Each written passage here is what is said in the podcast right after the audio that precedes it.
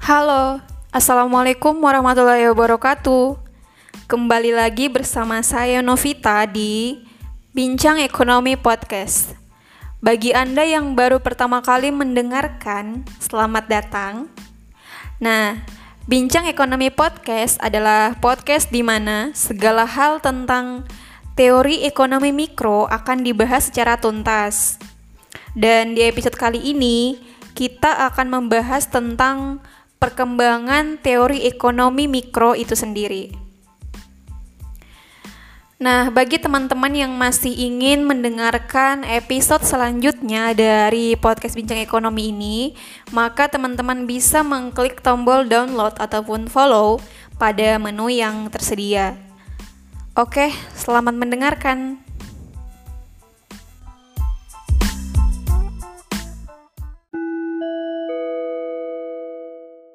Teori ekonomi mikro sebagai teori ekonomi klasik.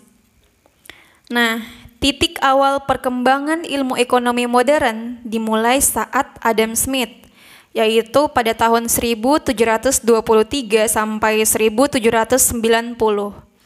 Menerbitkan bukunya yang berjudul An Inquiry into the Nature and Causes of Wealth of Nation yang kemudian dikenal sebagai World of Nation pada tahun 1776. Analisis ilmu ekonomi menggunakan dasar-dasar ilmiah tanpa teori moral dan teologis. Dasar-dasar ilmiah tersebut meliputi gejala-gejala ekonomi seperti kenaikan harga barang dan pengangguran, menunjukkan adanya gangguan keseimbangan sistem ekonomi. Menurut dari teori ekonomi klasik ini, masalah ekonomi akan teratasi jika ekonomi dikembalikan kepada kondisi keseimbangan. Alam semesta berjalan teratur, sistem ekonomi pun mampu memulihkan dirinya sendiri atau self-adjustment karena adanya kekuatan pengatur yang disebut invisible hands. Invisible hands dimaksud adalah mekanisme pasar, yaitu suatu mekanisme alokasi sumber daya ekonomi berlandaskan interaksi kekuatan demand and supply yang mampu menjadi alat alokasi sumber daya yang efisien jika pemerintah tidak ikut campur dalam perekonomian. Selanjutnya ekonom Prancis yaitu Jean Baptiste Say pada tahun 1767 sampai 1832 yang mematangkan pemikiran Smith dengan pendapat yang disebut hukum Say yang berbunyi supply creates its own demand dalam buku A Treatise on Political Economy pada tahun 1803. Maksud hukum Say adalah bahwa barang dan jasa yang diproduksi pasti terserap permintaan sampai tercapai keseimbangan pasar. Pasar mampu menjadi alat alokasi sumber daya yang efisien lewat proses pertukaran Pendapat ini diperkuat oleh Leon Walras pada tahun 1834 sampai 1910 dengan model ekonomi keseimbangan pasar simultan yang menjadi dasar analisis dari model keseimbangan umum atau General Equilibrium Model. Jadi, kesimpulan dari para ekonom klasik tersebut adalah yang pertama, Alokasi sumber daya yang efisien akan tercapai bila individu-individu dalam perekonomian telah mencapai efisiensi. Yang kedua, indikator telah terjadi efisiensi bila masing-masing individu telah berada dalam keseimbangan. Yang ketiga, efisiensi dan keseimbangan ibarat dua muka uang logam Efisiensi tidak akan tercapai tanpa keseimbangan. Tidak ada keseimbangan yang tidak efisien. Itu tercapai hanya melalui mekanisme pasar.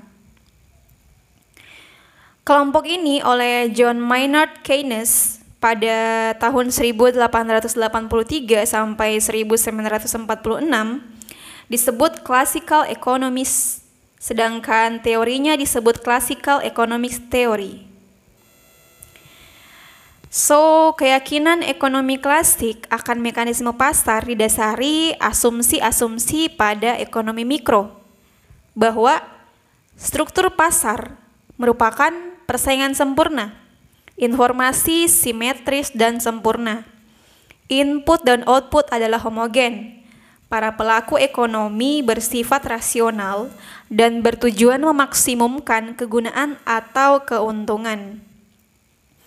Untuk memperdalam pengertian teori ekonomi klasik, ada dua asumsi penting yang harus ditambahkan, yaitu asumsi yang pertama adalah proses penyesuaian lewat mekanisme pasar dapat tercapai seketika itu juga.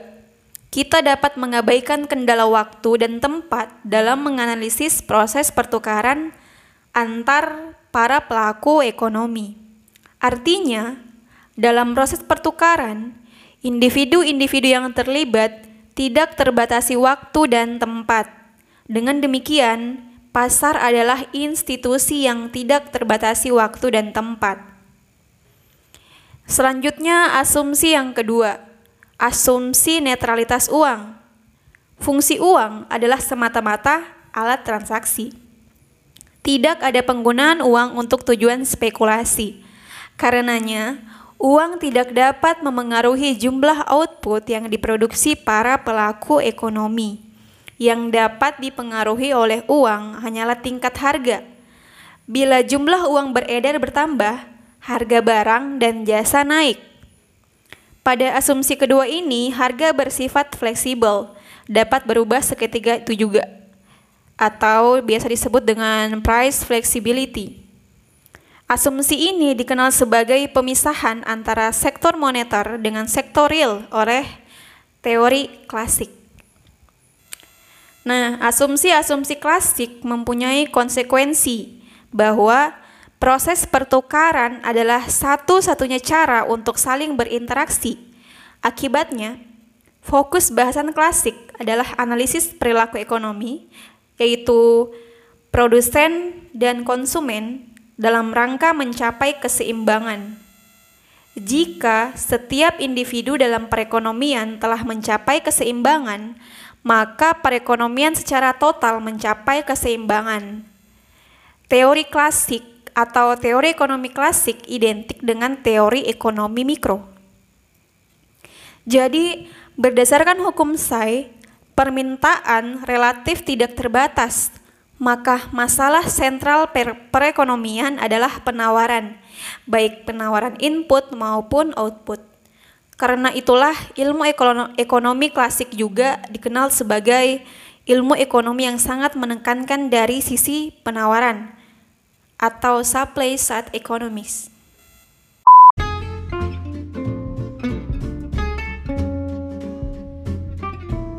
Oke, itu episode podcast Bincang Ekonomi minggu ini.